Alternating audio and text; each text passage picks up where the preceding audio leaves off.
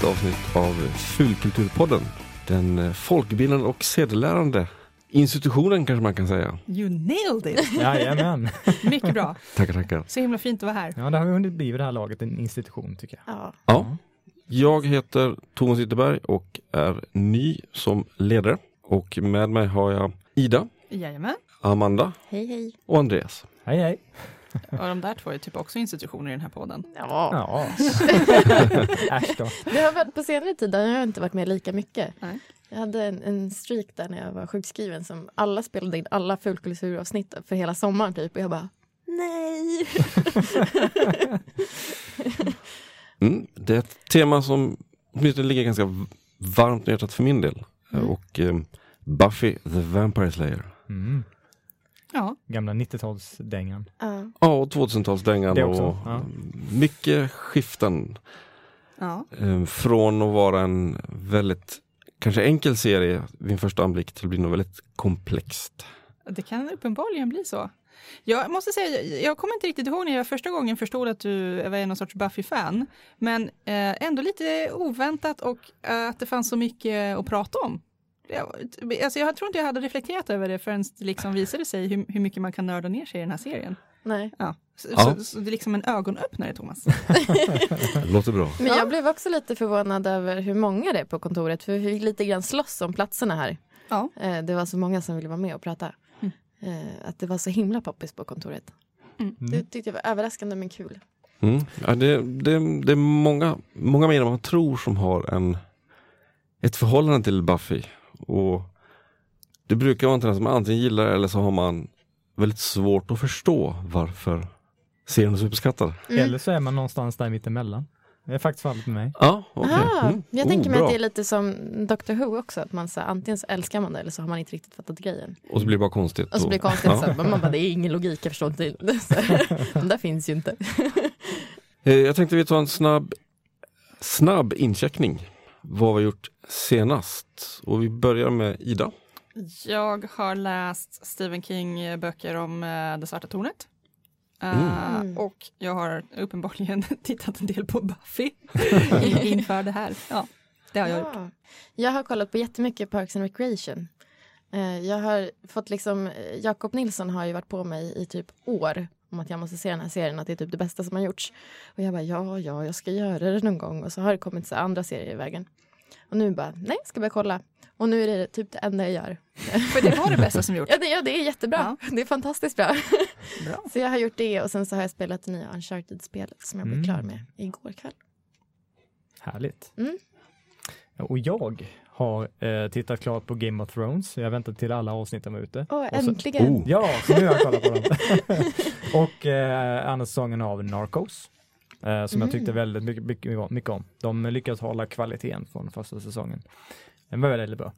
Och sen har jag spelat klart lite Nintendo 3DS-spel så att jag är redo för eh, Metroid, eh, nya Metroid-spelet. Som Mm. jag med andakt ska sätta igång med. Jag har inte gjort det än. Eh, så det är lite det jag gjort. Mm. Du då Thomas? Ehm, jag har spelat Fallout 4 som jag alltid gjort. Ehm, Det är återkommande. ja, eh, jag kan väl säga att jag är uppe i 800 timmar nu. Då, så att, eh, Svårt, väldigt svårt att sluta. väldigt svårt att sluta. Men det är, liksom som en, det är som en trygg, liksom, Ja. det är som en snuttefilt. Man, nej, jag spelar lite Fallout och så somnar man sen när man är Men redo. spelar du med samma karaktär eller liksom Ja, jag har har börjat typ... om från början för att det varit så här level 100 plus och allting varit jätteenkelt. Ja. Nu är jag på level 90 då. Så att, snart där igen för ett nytt skifte? Det är fantastiskt att det finns så mycket att hämta ur Fallout 4. Ja. Eller hur? Mm. ja men verkligen. Stor story. Det är det som gör det intressant fortfarande. Mm. Och jag har fortfarande inte ens gått igenom alla expansioner. Så att, Du måste någon gång säga så här när du har nått taket, liksom, du bara nu kan jag inte göra mer. Då får du kolla hur många timmar du har lagt ner så får man säga så här. ja, det fina med att köra via Steam, man ser direkt. Ja. Mm. Kanske få en staty från Bethesda för Eller hur? digert arbete. Ja. Men fortfarande inte de här 2000 timmarna jag har på Civilization 4. Så att, eh, Nej. Ja, vänta bara. Så, Buffy the Vampire Slayer kom 1996. 12 avsnitt första säsongen eh, Mm. som fick ta över från någon serie som inte gick så bra. Och det blev väldigt snabbt kultförklarat. För det var verkligen en budgetserie filmad på 16 mm inomhus, mestadels i en studio. Just det. Typ allt som är filmat i Buffy är i en studio på något sätt. Mm. Eh, tydligen så är eh, de här eh, kyrkogårdarna är parkeringen utanför. Är det sant? Ja. Nej, Ja.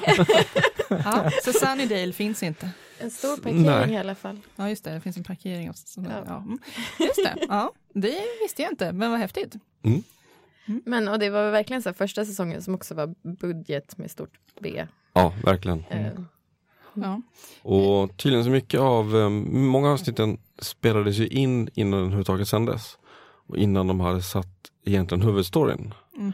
Så det finns ju Mm. huvudstory där med, med liksom The Master och Angel ja, och den det. biten. Och den förekommer inte i alla avsnitt riktigt. Så det finns flera avsnitt som är gjorda lite väl fristående. Ja, Som det. bara befäster karaktären egentligen. Mm. Och, Det eh, förklarar ju ett och annat. Ja, det Ja. gör det verkligen. och några av dem är ju väldigt bra, eh, tycker jag själv. Annat den mm. som handlar om en osynlig tjej som blir osynlig för att alla ignorerar henne. Den var Just jättebra. Mm. Och ehm, det för mig osökt att tänka på vilket avsnitt, eller snarare så här, hur upptäckte ni Buffy? Om Mm. så. Bra fråga. Alltså det här måste ha varit bara en sån här komma hem från skolan och slå på tvn grej för mig. Som bara helt plötsligt så fanns den här serien att titta på. Typ. Eh, och jag, kan in, jag tror inte, jag följde den inte slaviskt heller utan jag har, jag har sett grejer genom alla säsongerna troligtvis. Uh, och sen inte sett allt förrän jag började i, typ nu för ett tag sedan och titta på Ja, det. just det. Om jag minns rätt så var det TV3 som sände den. Mm. Men Ja, det måste ha varit, var det inte någon, för jag hade inte TV3 när jag växte upp. Men jag visste ju ändå vad vad Buffy var innan jag liksom började kolla på det Mm. ordentligt. Kan det ha gått på fyran också? Eller var det bara trean? Ja, Eller sexan kanske? egentligen är jag ju fel person som inte haft TV sedan 1999. Och sånt där. Ja. Nej, men eh, jag hade en massa kanaler så att det är inte... Men gick det det inte liksom att det gick på efter- sexan för- faktiskt. Mm. För att jag var ju verkligen inte så gammal eh, när det började. Så att jag kollade nog liksom kanske efter några år när det typ gick som repriser på sexan. Mm. Eh, då tror jag Mm. att jag liksom upptäckte det tv-mässigt så. Alltså då, då, då var det så här, jag visste så här, ja men det är rätt roligt, rätt rolig serie. Jag har sett några avsnitt.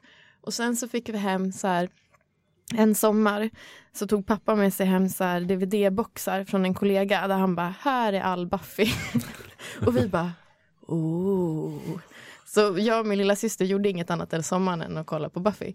Eh, och vi bara, nu är vi klara med första boxen, kan vi få nästa box? Sen nu är vi klara med andra boxen, kan vi få nästa box? och sen så plöjde hon också Angel och jag liksom eh, tittade med men kanske missade typ en fjärdedel av Mm. Angel. Eh, men det var så jag liksom, Mm. Ja, för, min, för min del var det faktiskt att eh, en, en kompis sa att det finns en ny eh, typ eh, sci-fi fantasy eh, eh, serie eh, med eh, alla möjliga typer av eh, eh, lustiga eh, mystiska ting. Eh, jag tänkte, ja, ja men det låter som min grej. Eh, och så tittade jag på ett avsnitt och var det där när någon lärarinna som är en oh, syster. Ja, ja. Och jag, och jag tänkte såhär, äh, vad är det här? Det verkar lite såhär ostig, big, eh, Ja. tonårsdrama-serie. Och jag bara, nej. Och så, så tittade jag bara på det avsnittet och övergav serien. Eh, och sen många år senare när jag hade sett lite andra eh, Joss Whedon-skapelser och den, den, den var liksom omtalad, det var liksom en Mm. liksom popkultur, nördfenomen. Eh, var så här, aha, har jag, har, dömde jag det för tidigt? Mm. Och då tittade jag på det efter, många år efter och helt plötsligt uppskattade det jättemycket. Mm. Eh, så det är faktiskt ett, ett exempel på att jag inte gillade det alls från början och Ja. sen uppskattade det mycket mer många år senare när jag var vuxen. Men till försvar så valde du verkligen fel avsnitt avsnitt just- Jo, det är inte jättebra. Men just det där avsnittet påminner mig skitmycket om Star Trek. Alltså Star Trek Ja, har varit mm. väldigt mycket sådär Ja. för mig att åh, mysko konstigt monster och så löser sig allting i slutet. Och det, jag, tyckte det, jag skrattade mycket åt det där avsnittet. Jag Mm. tyckte det var roligt på det viset. Jag Ja. skrattade också mycket åt det men det är ju väldigt dåligt gjort. Eller liksom den där syrsan, alltså, det är så många Ja. saker som är, ja, man kan ifrågasätta. Precis. Jag, jag upptäckte serien via, av alla tråkiga saker man kan upptäcka det, via DN. För den skrevs i DN, för jag prenumererade på den tiden på papperstidningen. Mm. Ehm, och så insåg jag att det här var intressant. Och sen så såg jag tillfällighet ett avsnitt där, från första säsongen, där en demon går in i en sån här buktalardocka. Ja, Ja, det just det. avsnittet. Och det är också ett Mm. sånt lite fristående avsnitt som inte Ja. har så mycket med huvudintrigen att göra. Men vad som slog mig då var ju att ja, men det var ju så otroligt fånigt men ändå charmigt. Mm. Men också att jag, oj, jag var helt överraskad för allting vände ju på sig i den här storyn på ett sätt jag inte hade räknat med. Ja, jag Mm. vet. För man var ju så van med att se all sci-fi och allt som har funnits, framförallt under 80-talet, att ja, ja men nu kommer det vara så här. Och så, nej, det var inte så. En mycket bra twist på det. Mm. Ja, så att det. ehm, jag fastnade och jag fastnade ungefär samtidigt som det kom den här DVD-revolutionen, att man kunde börja köpa tv-serier på DVD. Mm. Eh, Då fick man dock importera från England och sånt. Och då Mm. kom säsong ett i en utvikbar box som vek ut sig till ett stort kors. Oh. Och så då kunde jag börja titta. Jag hade skaffat min första projektor och sådär. Det var 2001 någon gång så jag började titta på serien ordentligt. Ja.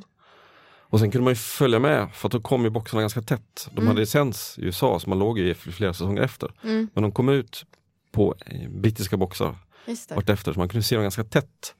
Plöja. Ja, man kunde verkligen börja plöja. Så Mm. man får den här binge-varianten där. Så man ju uppe till fem på nätterna och En vänder fantastisk skivor. lyx att kunna binge, alltså titta på saker sådär direkt som Mm. ju har blivit möjligt egentligen först Ja. ja. då när boxarna började dyka upp och nu när man kan strömma saker. Mm. Eh, förutom HBO då som uppenbarligen vägrar att släppa Game of Thrones mer än ett avsnitt i veckan och sådär. Men De eh, motarbetar sig själva. det är det gör Ja. de. Gör de verkligen. Eh, men nu, nu ska vi inte basha på. HBO, det har vi gjort ett antal gånger redan. Ja, just det. Men eh, hur- hur gammal var du när du såg den första gången? Det här är ju, nu ska vi se, hur gammal är jag? Det slog mig faktiskt, jag, jag är idag äldre än vad Anthony Head som spelar Giles är när han spelar in serien. Coolt. Hur gammal var han när han, han spelade in den? han var nog 42 eller 43 då. Ja, okej. Gud, han ser jättegammal ut. Ja. Ja, jag hade inte gissat så, äh, det, nej. Ja, glasögon och Ja, kavaj så, ja, så är jag med långt. på det. Och lite högt hårfäste. Mm. Då, då.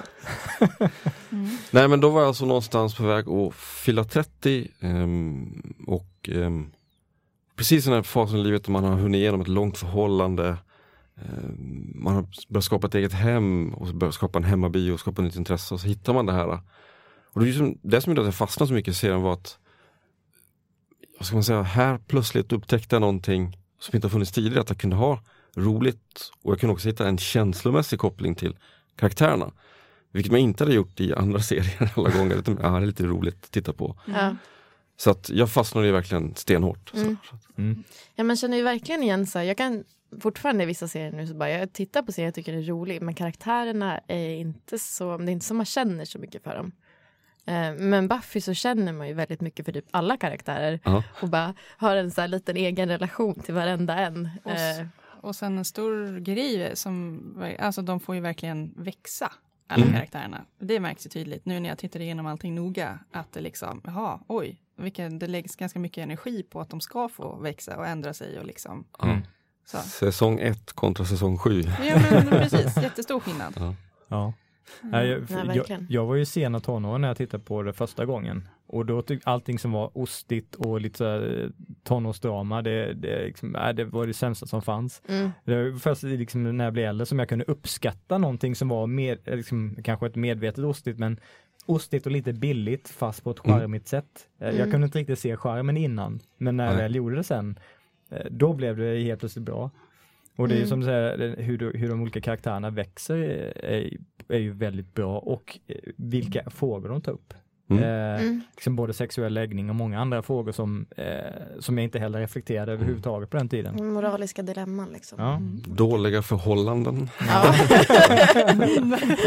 Finns ett par stycken. det. Ja. Fast på en helt annan nivå än oss vanliga döda. Ja, lite bokstavliga. Ja. Jo men jag tror det var lite premissen från Josh Whedon som har skapat serien. Eh, var det att många tycker att skolan är ett helvete. Ja, men då gör vi en tv-serie som handlar om att skolan är ett helvete. Just det, De ligger ovanpå helvetet, Mm. bokstavligen talat. Och i den ironiskt döpta staden Sunnydale. Ja. Ja. med 32 900 invånare. Och Ja. sånt där. Ja, men, och det, jag hörde också någon gång att han, så här, han hade sett på så mycket eh, skräckfilm där typ blondinen blir, så här, springer runt och skriker och blir ihjälhuggen. Typ. Just Och det. han bara, hur skulle det vara om hon bara slogs tillbaka och var asgrym? Så här, vi, gör, vi gör något på det.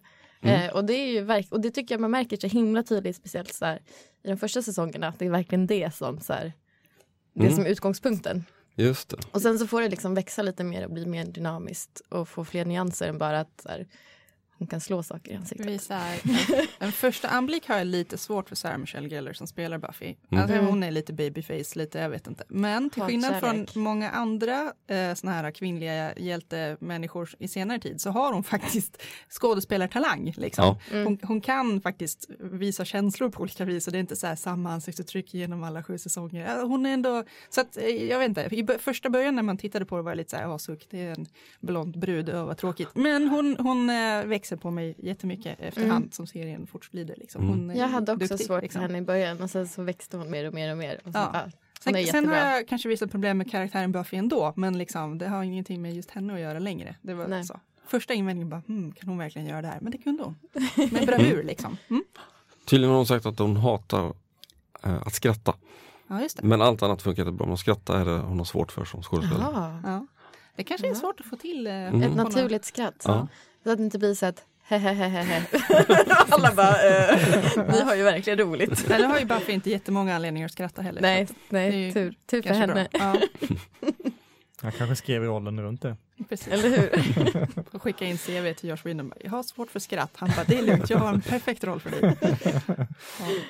Ja. För första avsnittet, när jag såg det, jag såg inte det, det var inte första jag såg utan det var ju det här om den här demondockan. Men Mm. första avsnittet så blev jag ju totalt grundlurad. Mm. För då började jag med en blond tjej som, äh, som är eh, Dala som hon heter. Ja, just det. Ehm, och hon är den som är först i serien och så är det en ganska ruffig kille som hon tar med in till skolan och sen så, är, det, är det ju hon som är faran. Precis, rovdjuret. Pang, rakt tvärtom mot vad man har lärt sig så att säga. Mm. Och bara där så vart man ju också fångad att ah, Eh, den, de den vänder på saker och ting på ett Mm. sätt som ingen annan har gjort tidigare. Mm. Och sen också då, som vi pratade om, hela utvecklingen från de här ganska fåniga tonåringarna till att bli vuxna. Mm. Och alla de komplexiteter som man tar till sig med åren Mm. finns där. Ja. Och det har ju inte riktigt hänt tidigare och det har också då utanför så att säga Buffy och fanskaran har det har ju erkänts i efterhand. Serien vart ju aldrig särskilt prisad eller uppskattad officiellt så att säga men alltid hyllad på lite annat plan. Mm.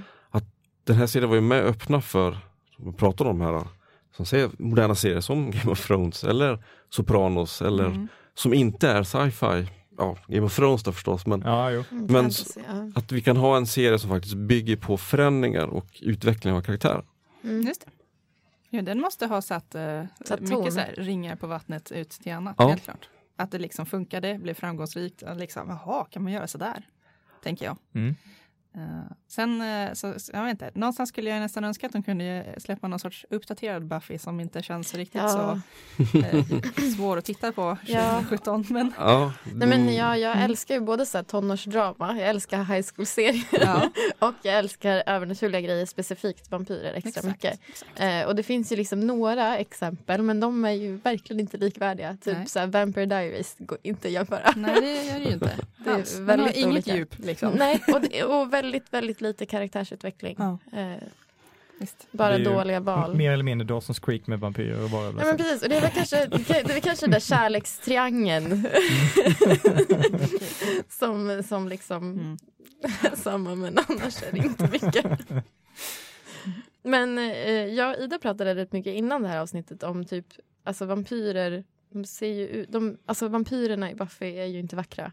Nej. Nej, Alltså inte när de liksom ska attackera någon. Då Nej får precis, de då får de den här fruktansvärda näsan. Vet, inte, det blir, ja. Ja, det är som att de har lagt på liksom en liten pannkaka med så här rynkor från näsa till, till mun. Ja. Som bara, de ser ut som en nakenråtta typ. Ja, ja, lite faktiskt. Påkörda ödlor. Ja, men någonting.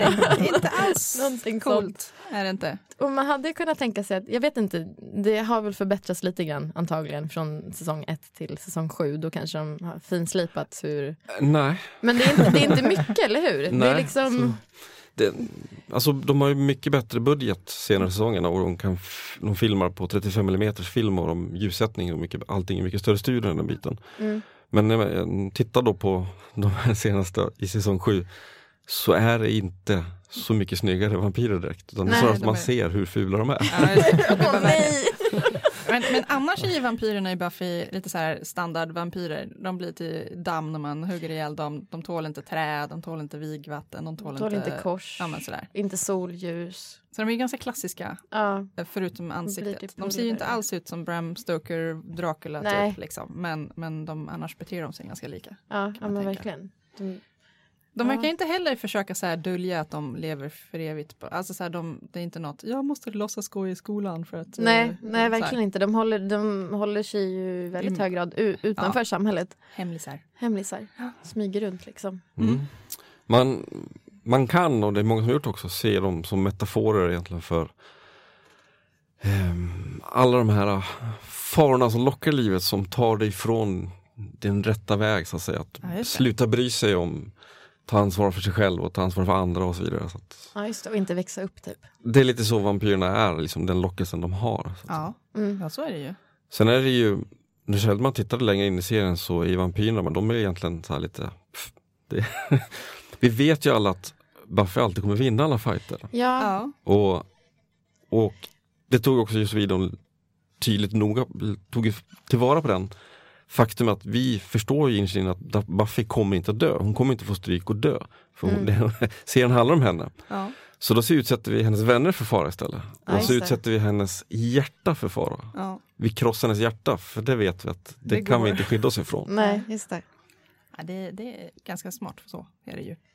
Hela, man köper konceptet ganska fort. Liksom. Att Ja. okej, hon kommer möta fiende på fiende på fiende på fiende. Det är inte det som är Mm. riktigt det viktiga här. Men var ni aldrig någonsin, för det, samma sak är det lite grann i Supernatural, det är två bröder som är, som är liksom jägare, de dödar dumma övernaturliga grejer. Eh, och där, de första säsongerna, jag fattar ju också att de ska inte dö. Mm. Men lik förbaskat, varenda gång de träffar en demon, jag bara de är körda, de är körda, de är körda, de kommer dö, de kommer dö. och liksom gick på det och sen så bara, nej men de klarar sig. Mm. Men jag har inte riktigt haft samma känsla i Buffy för att det har känts som att vampyrerna är lite mer så här jag vet inte, inte mesiga, men de är ju, de är ju väldigt fula men de, de känns heller inte så skräckinjagande. De snackar mycket skit och sen, så Ja, och sen de bara inte dör de. lite så känns det som. Och det Ja, de är lite losers nästan. Ja, lite. ja, och nästan som att vampyrerna är liksom de minst farliga övernaturliga eh, Det- grejerna i. Alldeles för mycket vampyrer i Buffy som verkar vara så här dummaste typ så här dörrvakt-människan ever som blev omvandlad till vampyr Ja, som bara är där för att slåss lite. Köttsäck Ja. som är dum. För det är jättemånga av dem som är, verkar ha ingenting innanför pannbenet. Nej. De bara kastar sig på Buffy och dör och man bara, "Ja, Mm. okej, hejdå. ja, det är lite synd ändå. Och jag vet inte om det mer visar så här hur grym Buffy är eller hur dumma vampyrer är. För, ja. Ja, de är lite som zombiesarna i The Walking Dead. Ja. Du bara går och köttar ner dem eh, utan att eh, svettas. Mm. Sen så hjälper det inte med den här fula masken de har på sig. De ser ju dummare ut ja, jo. med, med den på redan från början. Men de är de är inte bara eh, liksom onda. Det finns ju mer nyanser i vampyren också. Alltså, tänker, ja, Ja, mm. tänker på typ Angel. Som ändå, Framförallt ja. ja. Och även Spike. Mm. Mm. Och om ni som lyssnar på det här nu och inte sett på Buffy förstås, det blir ju givetvis massor av spoilers. Ja, Det är omöjligt att undvika. men det är ju en jättegammal serie. Så att, Så att det, det man är förmodligen redan spoilad. Ja. grann. Ja. Men det är också det, ehm, det klassiska är, när vi har en serie med 144 avsnitt plus Angel om man så vill, med ytterligare 24 gånger 5 avsnitt. Mm. Så vilket avsnitt ska man då rekommendera en som är ny att titta på? Men alltså, jag har inför det här försökt kolla lite på vad folk brukar ranka som de bästa Buffy-avsnitten. Liksom. Mm. Och där verkar det ju ändå vara lite som du var inne på, att de har gjort lite avsnitt som kanske sticker ut lite ur mängden egentligen. Ja. De kanske man inte ska börja med då, utan man kanske ska försöka titta på något mera så här typiskt Buffy-avsnitt. Jag tänkte Ja. tvärtom. Men det är bara för att jag älskar alla de där specialavsnitten. Ja. Eh, som typ till exempel eh, mitt favoritavsnitt i det här eh, musikalavsnittet. Mm. Med, eh, Once more with feeling. Precis, med den där demonen som får alla i stan att dansa och sjunga tills de dör. Mm. Det är ändå också en ganska nice grej, att han har fått ett, ett, eh, in ett musikalavsnitt i en serie utan att det bara är där. Han Mm. har ändå en Mm. förklaring till varför folk Mm. är på sig sjunger. Det Och det finns, är jätteviktigt avsnitt för storyn också. Ja, Mm. så, här, så det är inte bara, att- alltså nu är ju det där nyare saker, men annars har de liksom skohornat in ett musikalavsnitt helt plötsligt bara utan någon egentligen förklaring. Så Men här åh, har det helt liksom- plötsligt sjunger alla. Mm. Men i Buffy har det ju faktiskt så här, okej, en demon kommer hit, alla börjar sjunga. Ja. Jättebra. så det är coolt. Är det. Det är ju inte mitt favoritavsnitt. Nej. jag är inte förvånad. Alltså, och säsong ett är ju lite, hmm, så jag vet inte, man kanske skulle börja någonstans i säsong två, liksom. Om man, för det Ja. fanns så mycket bra där tyckte jag. Mm. Mm, men också en del riktigt sopiga avsnitt. Roligt med sopiga avsnitt, även fast de är då liksom en, en bönshyrsa till fröken, Ja. så är det fortfarande så att dialogen mellan karaktärerna går fortfarande att se och, och, Ja. och Mm. njuta av för att det är den som ändå tar det vidare. Ja men och ibland så också så här, jag kommer ihåg av alla avsnitt jag såg när jag liksom inte tittade så noggrant så är den där, eh, den, det avsnittet det jag kommer ihåg allra mest. Mm. När hon skulle käka upp han. Mm. Där. och fortplanta sig. och det Alltså, är ju ja. liksom, de är ju jätteostiga men de är ju också, man kommer ihåg dem. Jo. De är extra roliga. Men jag skulle nästan säga om jag inte hade tittat på första säsongen i all dess ostighet Mm. eh, och lärt känna karaktärerna som man ändå gör mellan allt det där osten eh, så hade jag nog kanske inte fastnat för den. Om jag bara hade droppat in på individuella avsnitt från säsong ett eller två eller tre Mm. och så vidare.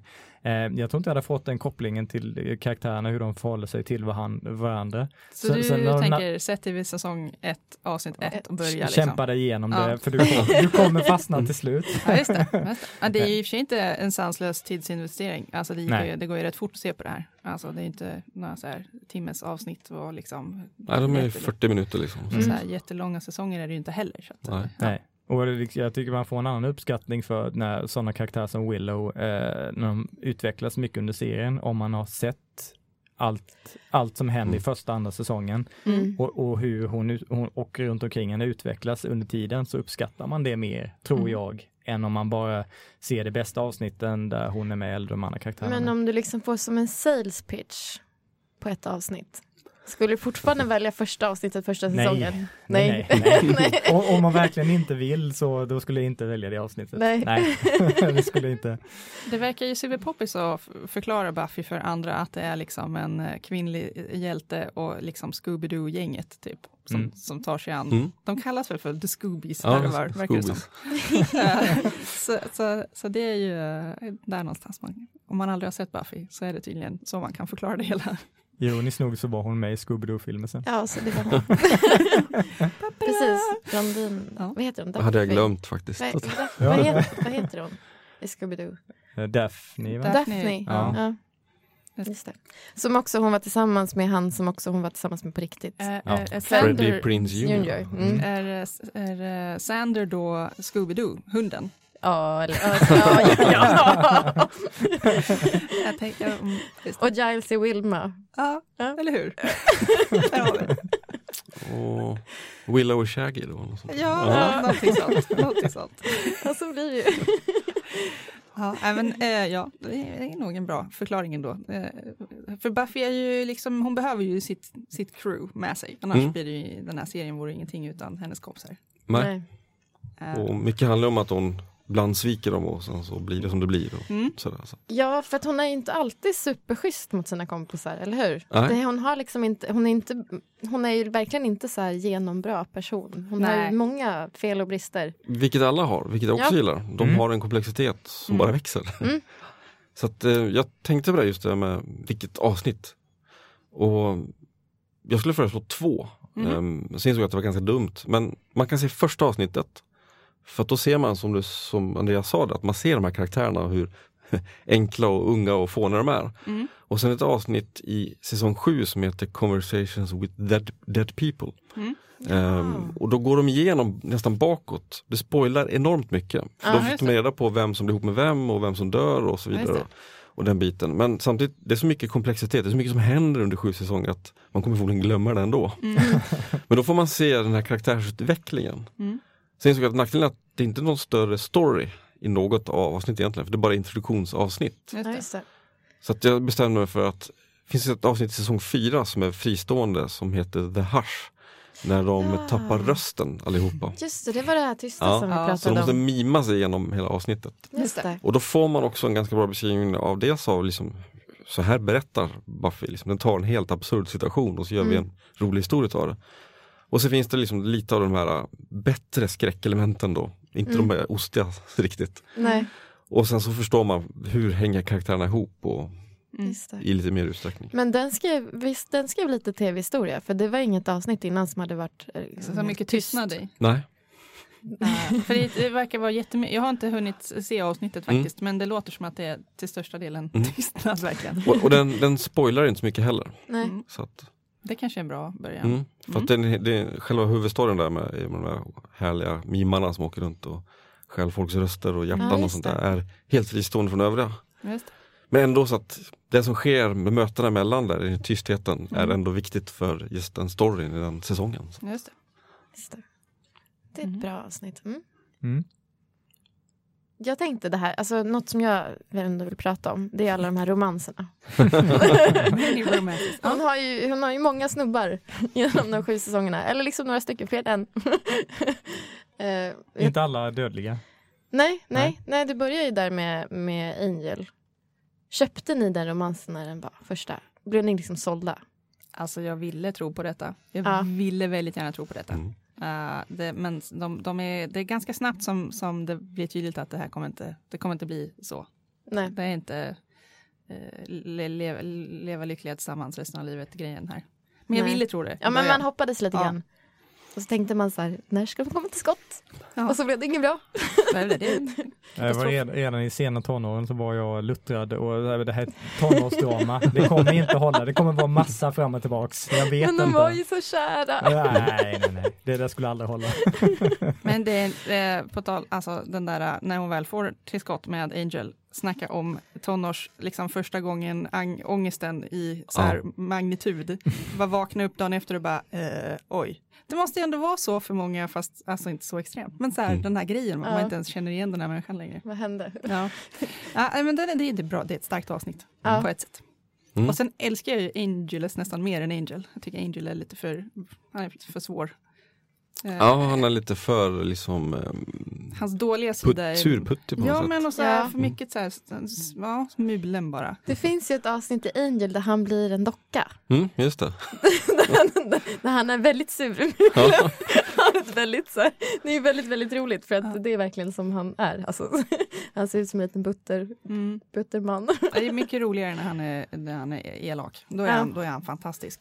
Mm. Och Angel är då förstås då den serie som följer på. Angel följer, går, kliver ur Buffy ur med säsong 3. Ja. På en egen, egen tv-serie som går parallellt säsong 4, 5 och 6. Mm.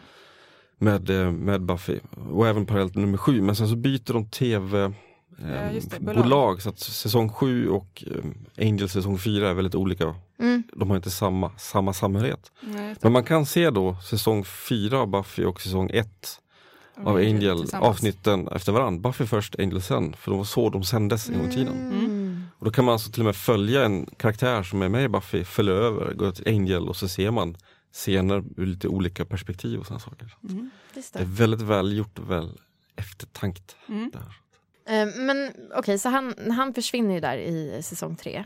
Mm, Och då är det så här, och så, fyra, då flyttar hon ju till college, eller hur? just det, hon börjar på college. Mm. Och så träffar hon den här jättetråkiga Riley. Mm, soldatkillen där. Ja, som han, är, han måste ju vara, det, det måste ju vara enighet om att han är den tråkigaste pojkvännen hon har.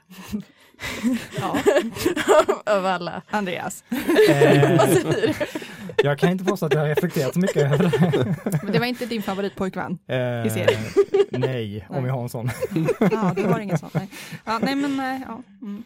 Jag har faktiskt lite sympati för honom för han är bara rak och ärlig. Menar, och han är ju snäll. Ja, Ja. Och så tränar han sina armar också. Det är bra. Ja. Glömmer han vaderna? Nej, jag tror faktiskt inte det. Han- han tränar vaderna också. Han har inga chicken legs. Nej, oh, nej. Nej, det är bra.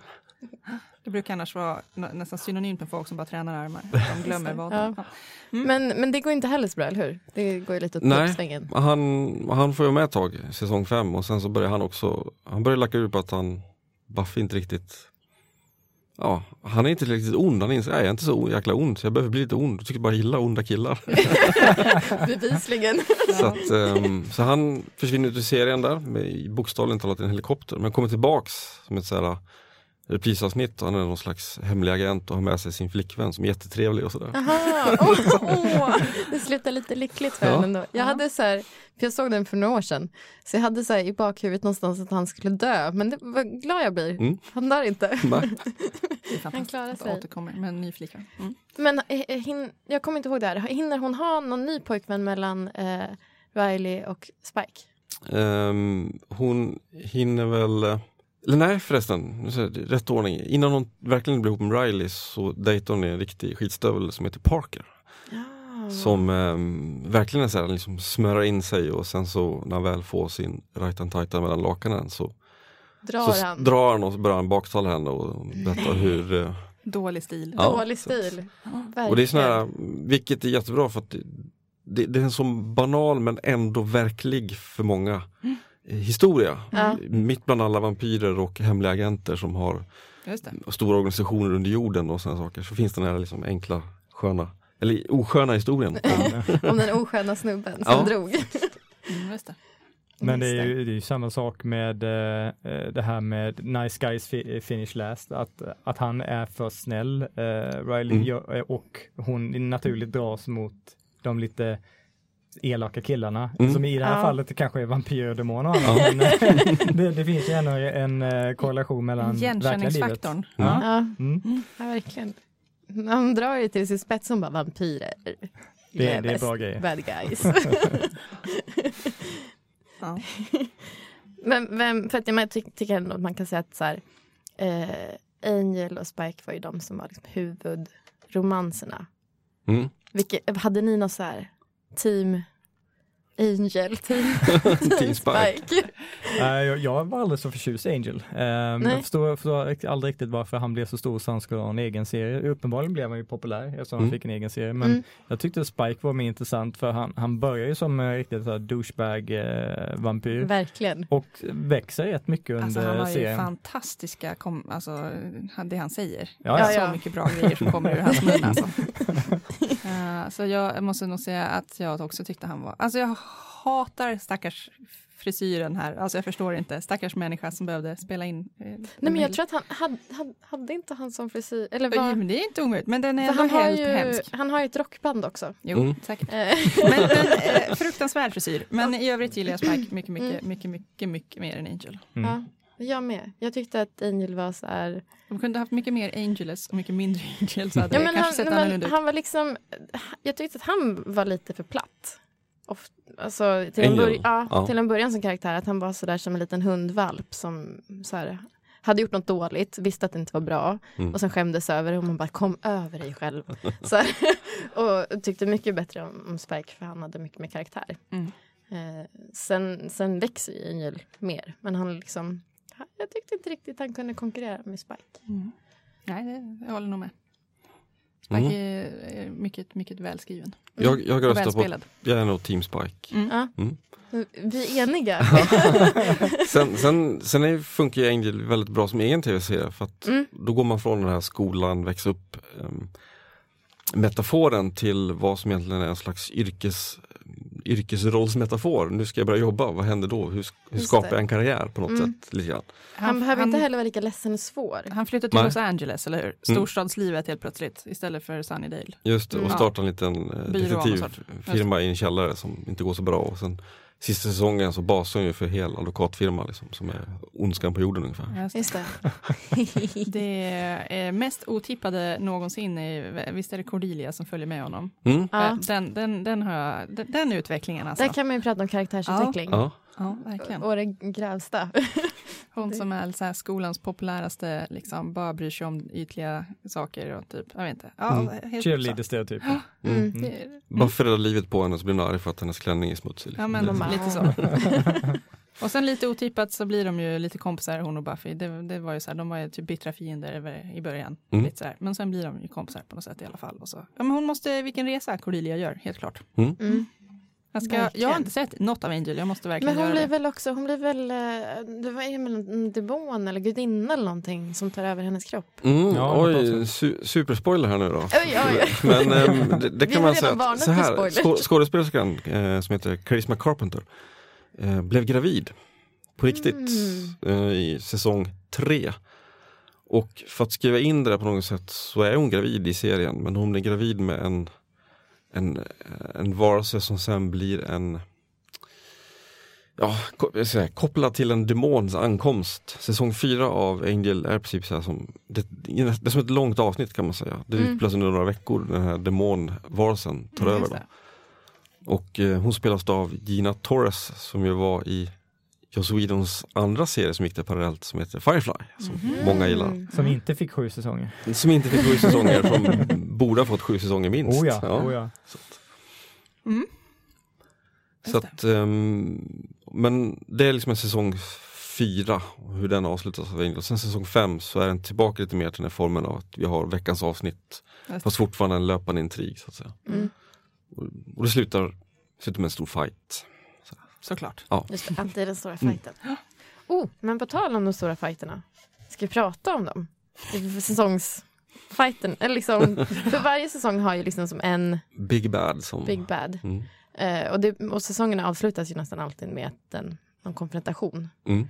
Vi pratade lite om besvikelserna. Alltså, jag, jag måste säga att det är tur att Buffy visar sig handla så mycket mer om, om just vad Buffy gör, alltså Slayer-jobbet. För Mm. det är ganska, alltså skulle serien fokusera på det, då skulle det vara jättedåligt. Ja. Alltså så här, det, de här alltså, vampyrerna som är för dåliga och, och sen kommer skurken som visar sig vara, alltså han låter skitkaxig och sen Mm. är han jättedålig och bara dör på, på typ ett pet. Så här.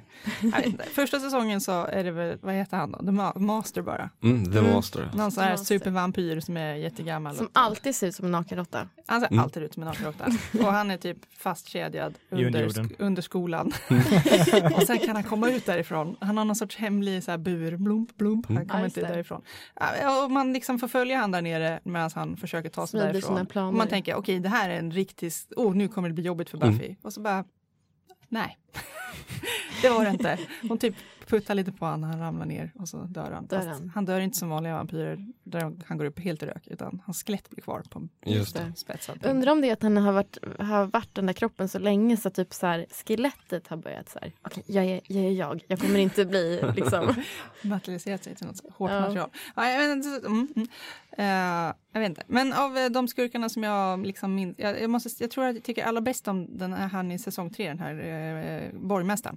Han, Mm, han gillar jag väldigt mycket. Men eh, jag har eh, redan spoilat för mig själv att fighten här i, i säsongsavslutningen jag inte riktigt har hunnit titta på ännu är jättetråkig Mm. också. Däremot Rätt, finns, dåligt gjord. Eller Ja. animation. Ja, det är ju inte vackert. nej det är verkligen 1999 års um, ja, datoranimationer. Så Ja. det, ser, det ser ut som en datoranimation ovanpå Mm. en film liksom. Det Mm. syns så väl.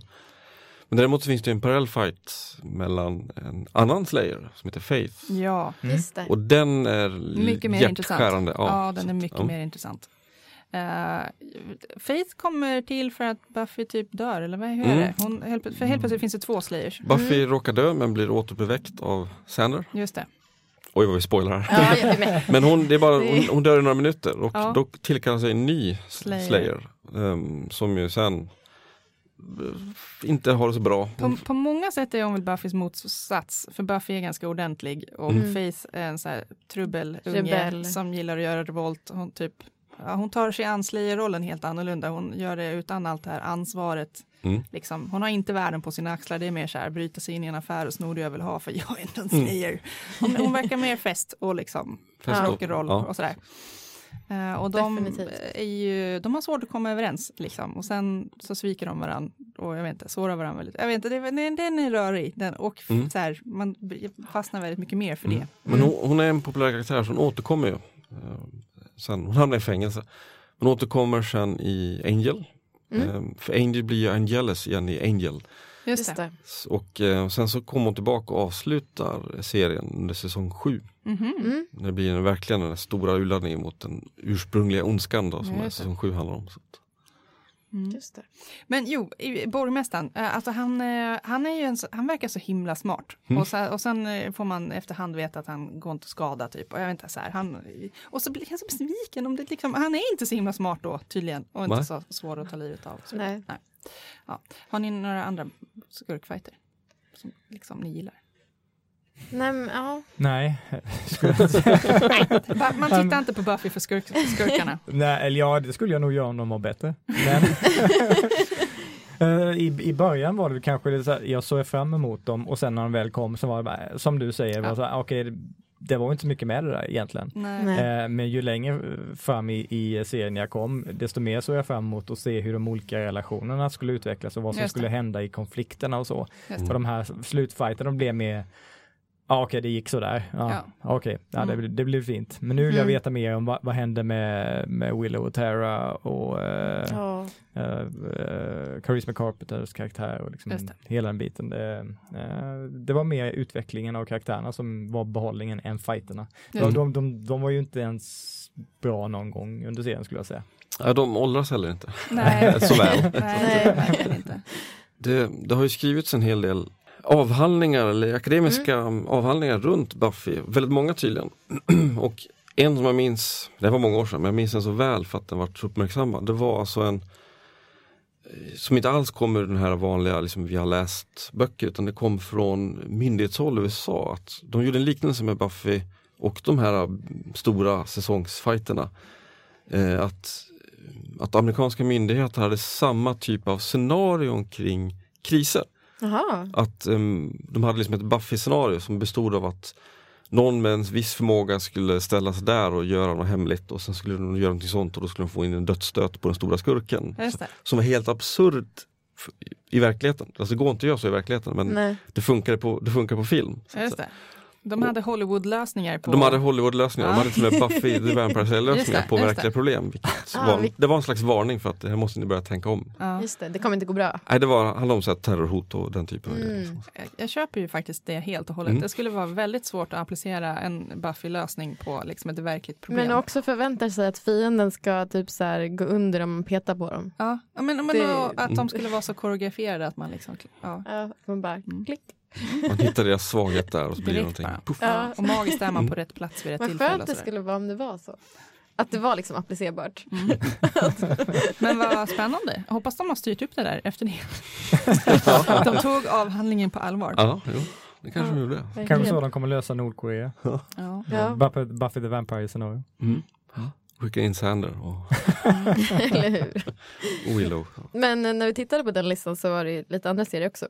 Men det var väldigt mycket fler Buffy. eh, Det har skrivits väldigt, väldigt mycket om Buffy. Och Mm. min första vetenskapliga saker också. vetenskapliga alltså. saker. Eh, och min första reflektion att det var väldigt mycket, antagligen väldigt mycket genusstudier Ja, som har gjorts. För det, Mm. Jag kommer ihåg när jag själv läste genusvetenskap.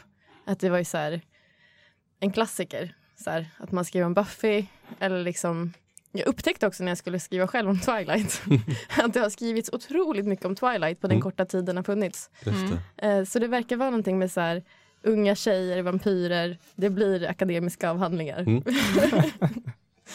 Men Ja. det finns ju så mycket att hämta, alltså så här, mm, både karaktärer och scenarier Mm. som Mm. man kan ta av. Det känns ju Buffy också lite så här tidigt ute helt enkelt. Mm. Ja, men Med, verkligen. med är feministisk eh, liksom. Mm, ja, tittar man vad som fanns 97 Ja. och 96 Mm. så nej. Ja, men, och, och, Framförallt inom sci-fi också. Så, Ja. Ja. Ja. och homosexuella förhållanden var ju inte alls vanligt. Nej, här, här dök det upp. Och det var ingenting konstigt med Nej. det. Liksom. Nej. nej men också att det framställdes på ett så bra sätt, för annars kan det ju varit innan så här, i serier att det var som att så här, här är min homosexuella kompis. Mm. Han, mm, det där så här och så här på ett väldigt speciellt sätt, så här, väldigt stereotyp. Men det här var liksom verkligen bara så här, oj nu blev jag kär i henne. Mm. Oj vi har en relation. Hoppsan. Eller så Jag här, var det, själv så här tonårsosäker på vad, liksom, vad är det som händer. Mm. Eh, vad, vad, vad är det jag känner egentligen och hur ska jag förhålla mig till det här? Eh, det är också ett väldigt bra grepp på det som, eh, som inte ens är särskilt så vanlig i nutid. nej, Om nej, man, om man tänker på hur det eh, gestaltas i tv och film. Mm.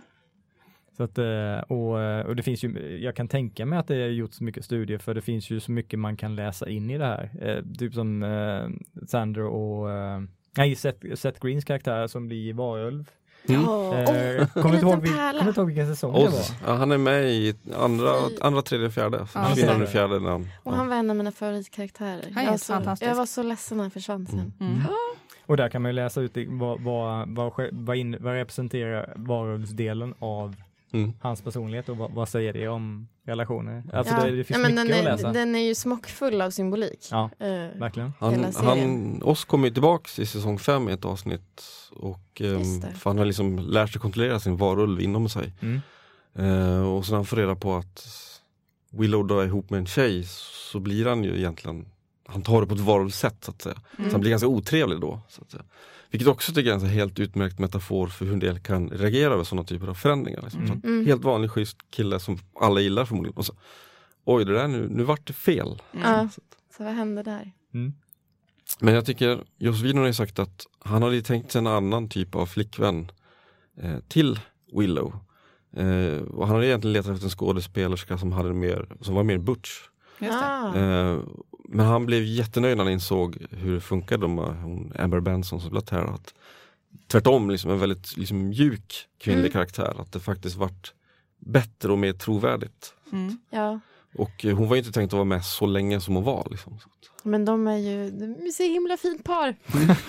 de blir så här alldeles Mm. varm i hjärtat. De är så himla Precis. gulliga tillsammans. Men Willow blir ju också hårdare, eh, så Ja. det kompenserar ju upp för det. Precis. Ja.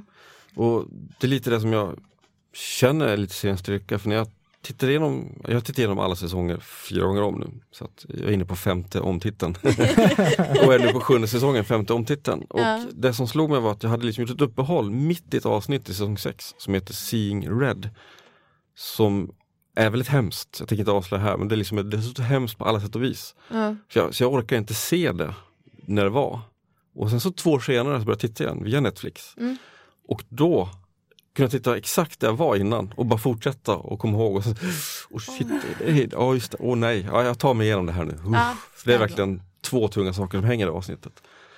Sådär, så att ehm, det, det är något att säga ganska mycket om seriens styrka. Sådär, Mm. så att. Och sen är det förstås det som jag upptäckte nu när jag tittade på Netflix i, igår att fram till den 14 oktober Mm. sen så försvinner Buffy från Netflix. Du hemskt. sa Alltså, ju det jag här idag och vi, jag, Mm. jag blev jätteförskräckt. Jag måste, jobba på. Ja. Jag har liksom tänkt att så här, men det är lugnt, jag kan kolla när jag vill. Men, men kan det vara så att eh, det kommer någon sorts förnyelse? Alltså jag vet inte hur eh, Netflix funkar. Men den, Nej, alltså det grejen är att de har ju restaurerat serien. Så Ja. att säga. Så Netflix har ju kört inte de här original som det. det är på DVD. Utan någon har ju kört igenom det och liksom skalat om det. Så lite, väldigt mycket brusfiltrering, så folk har väldigt släta ansikten och sådana saker. Och det är väldigt uppljusat. Med tanke på de första två säsongerna är på 16 mm film. Det, Ja, det är verkligen dålig kvalitet på den inspelningen. Mm. Så att det kan vara något sånt nu att nu har de, deras avtal har löpt ut och det kan vara att tjata man sig kanske om förnyar Ja, avtalet, man kanske. vet.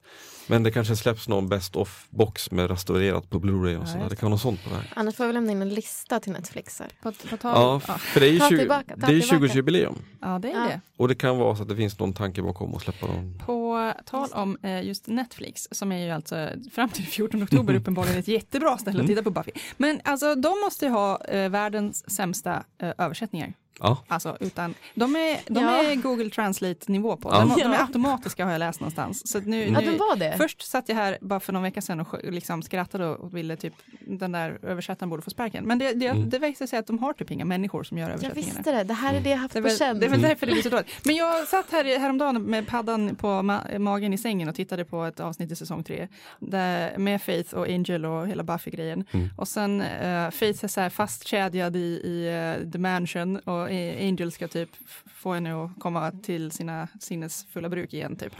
Och så säger hon i alla fall på engelska typ att eh, Are you trying to shrink me? Eller någonting Mm. sånt där. Typ som att alltså översättningen är Du försöker krympa mig. liksom, jag, bara så här, alltså jag, jag noterar det här, är tvungen att Mm. pausa, spola tillbaka och så jag skrattar så mycket så jag missar knapparna för att göra en skärmdump. Liksom. Det, det är så dåligt. Mm. Men vi fick fler exempel på det från Ja. eh, Jocke som brukar vara med i den här podden också, från eh, The Expanse. ja.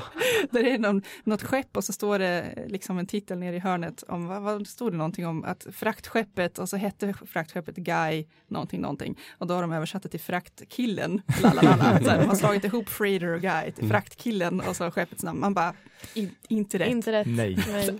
Så, ja, men parentes, roligt översättningen på Netflix. ja, tyvärr ett låg status på det från de som producerar och distribuerar. Det, är Mm. så att, det finns ju folk som kan översätta och förstå grundkulturen men eh, det är för dåligt betalt. Ja. De anlitas inte. Man får känslan av att de kör översättningsprogram och sen så får de deras Ja, deras barn i tonåren som har femma i, Ja, eller exakt. väl godkänt i engelska får liksom, Korrare. ja, ungefär på den nivån känns det som. Mm. Ja, det borde finnas någon enkel rapporteringsfunktion, typ. Det här var Det här urdåligt. blev helt fel.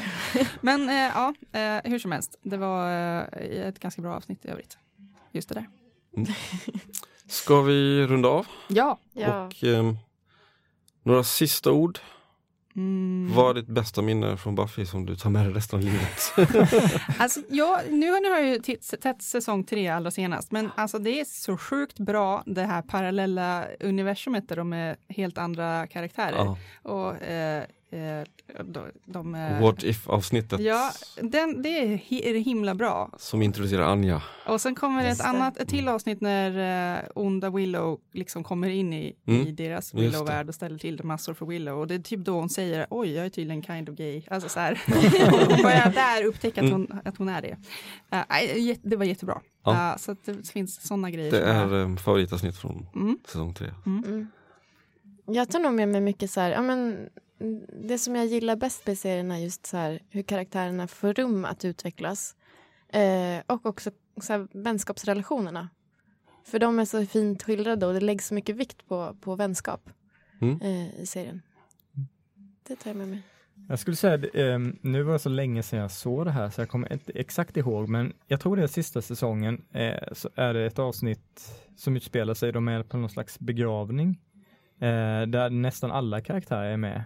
Eh, Mm. Eller är de, de, de är samlade i alla fall, eh, och, och så får, får olika personers sidor, ehm, som tittar får man se olika personers sidor, hur de förhåller sig till varandra. Ja, Eh, just det. Eh, det var väldigt länge sedan jag såg Mm. det nu. Men jag, men jag kommer ihåg att det, det knöt ihop sätt, säcken på ett bra sätt eh, för vilka de karaktärerna var och eh, liksom hur de hade utvecklats Mm. under seriens gång. Eh, det fanns ju många bra avsnitt fram tills dess. Ja. Men eh, när jag satt där och tittade på det här så kände jag verkligen att Oj, ja, det, här, det har ju faktiskt varit en bra resa. Jag, jag tänkte väl liksom att jag ska kolla på den här ostiga eh, fantasy-serien som Mm. började när jag var tonåring och sen så kom jag på mig själv att ja, jag tycker ju faktiskt om det här. Jag tycker om Mm. de här karaktärerna. Mm. Ehm, och det, det var ju i det avsnittet som jag verkligen kom till insikt om att jag tycker faktiskt det här är bra. Mm. Genuint. Ehm, så det, det är nog det, det, det starkaste, varmaste minnet jag har i alla fall. Mm. Det är nog också lite grann det som, som jag också känner att du får Du blir belönad som tittare och som, Mm. som fan på ett sätt som inte jag tyckte fanns förut. Att du, du kan ha koll på de här små detaljerna som att Mm. Willow säger åh, I'm kind of gay. en säsong innan hon ens träffar sin kärlek. Liksom. Mm. Mm. Och att du får hela tiden den så att säga, guldpengen du får leverans för den längre fram i serien. Du blir Mm. tackad av serieskaparna för att du faktiskt kan och följer serien Mm.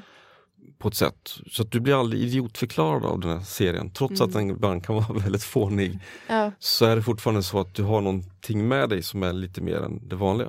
Mm. Mm. Och det, det är det som jag känner att jag ofta saknar när jag tittar efter nya serier. Liksom. De kan vara snabba, de kan vara ytliga, de kan vara välgjorda men de har inte den där sista lilla extra. Nej, men jag tycker man känner att det känns som att så här, de som har skapat serien tycker om publiken. Mm. sätt. Att det är, så här, det är någon typ av ömsesidig eh, men lite respekt. Ja, Mm. och Mm. att så här, ja, en väldigt fin relation. Typ en av de få serierna som jag tyckte har varit likadan är Supernatural. Mm, okej. är också väldigt mycket kärlek till, till fansen Mm. i serien. Liksom. Och Uppenbarligen har Buffy jättemycket omtittningsvärde eftersom du är inne på. Så, Verkligen. Så att, eh, nu ska jag hålla tummarna för att eh, den inte försvinner från streamingtjänster för all framtid så att jag kan fortsätta och Precis. titta Jag, på jag den. tror Just det. säsong sju kom ju någonstans där runt 2004 för det vet jag för att jag flyttade samtidigt. Mm. Så att till slut så var det så här verkligen så att det var inne i sista så att jag, jag såg hela säsong sju i princip på ett dygn. Just det. Oj! Måste flytta nu och stänga sista lådan eller Allt hur? så jag Ja. var tvungen att titta på liksom, DVD-spelaren i datorn till slut. Liksom, så här, för att Ja. få det att gå ihop. Liksom. Men det är någonting som Joss Whedon hanterar väldigt bra. Eh, Som vi pratade om Firefly Mm. och, och Dollhouse och lite andra serier där man verkligen känner för Mm. karaktärerna och eh, får insikt i hur de utvecklas. Andra storserier där man följer samma karaktär under lång tid, Game of Thrones och Walking Dead och allt möjligt. Eh, där får man ju också följa med gruppen väldigt länge. Mm. Men det känns ju inte som att de har den där personliga utvecklingen, den, den realistiska personliga utvecklingen som man själv kan relatera till på något sätt. Ja, de bara, Mm. I Game of Thrones så bara avslöjar de sina agendor till slut. Ja. Ja. Det är lite så. Och dör. Ja. Eh, så så det, det, det, jag har nog svårt att komma på någon annan eh, serieskapare som, som lyckas med det riktigt på samma Mm. sätt. Mm. Eh, jag har inte följt eh, Borde göra. just Tips, det, tips. eh, serien som Amanda nämnde här men i övrigt så kan Det jag, finns också typ 9-10 säsonger, du fortsätter. jag, jag tar ditt ord, jag, tar, jag, jag litar på dig. Hatten av Joss Sweden. Ja, Ja. Du kan dina serier, Väl kan din karaktär. Ja. Precis. Mina repiga DVD-skivor väntar nu när Netflix. Angel finns inte på Netflix men Nej, det är så. Man, Jag det är tänker värt att Thomas, följa kan jag muta dig på något sätt och få låna dem av dig? Ja men det går nog bra. Och vi kanske kan ha en liten mutlista. Ja. Alla står på tur. ja. Det är Lite som att vi skulle vilja ha bibliotekskort hem till ditt eh, liksom, Ja, det skulle bibliotek. vara... Thomas. Mm. Just det, ja, men det finns några Välkommen. serier där som... Det låter som det. Skattkista liksom. Mm. Ja. Mm. Mm. Tack allesammans. Ja, Tack själv. Och- missa inte länklistan. Precis, Vi försöker länka allting och följ oss På, på... precis, påminn oss om vi missar något som vi har Ja. sagt. Och ehm, Och vi finns på både eh, Instagram, där vi lägger upp, brukar lägga upp lite bilder och sådär. Ja. just det, ni ska Och, ta en bild eh, på min snygga tröja. Ja, det, ska vi göra.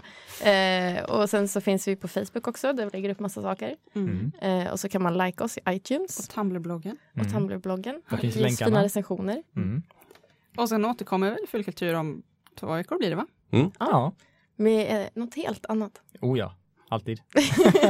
Vi, får, vi kanske får anledning att återkomma till Buffy i framtiden, vem vet? Eller Buffy. Ja, Finns mer att prata om säkert. precis. Vad är det som händer nu egentligen? Försvinner från Netflix? Ja, Finns det precis. någon jubileumsbox? 20-årsjubileum. Kan ha ett avsnitt om filmen. Ja, alla drömmer om en reboot. Så, hörde du? Amanda Ja. vill prata om filmen. Jaha, just det. Ja, just det. Den, eh, Den där filmen jag som ingen det. Vi nämnde inte filmen. Glöm den. Den finns inte. Det, det är som så här, det finns 144 avsnitt av Buffy men på IMDB listas det 145 och det 145 är egentligen den där piloten som aldrig sändes. Just det. Ja, just det. innan Willow och Alison Hannigan är med och sådana saker. Mm. Den är tydligen väldigt dålig men Ja. de riktiga fansen ger sig på där. Just det. Just det. Den kanske inte heller finns på Netflix. Så. Nej, det är Nej. Eh, fantastiskt. Tack för att jag fick vara med. Ja, tack själv tänkte jag säga. Men... Ja. Tack allihopa. Ja, tack för att ni lyssnade. Hej då! Hej då! Hej då! You're English, right? Yeah. I've seen every episode of Doctor Who. Not Red Dwarf, though, because, um, Because it's not out yet on DVD. Right. It's not out yet on.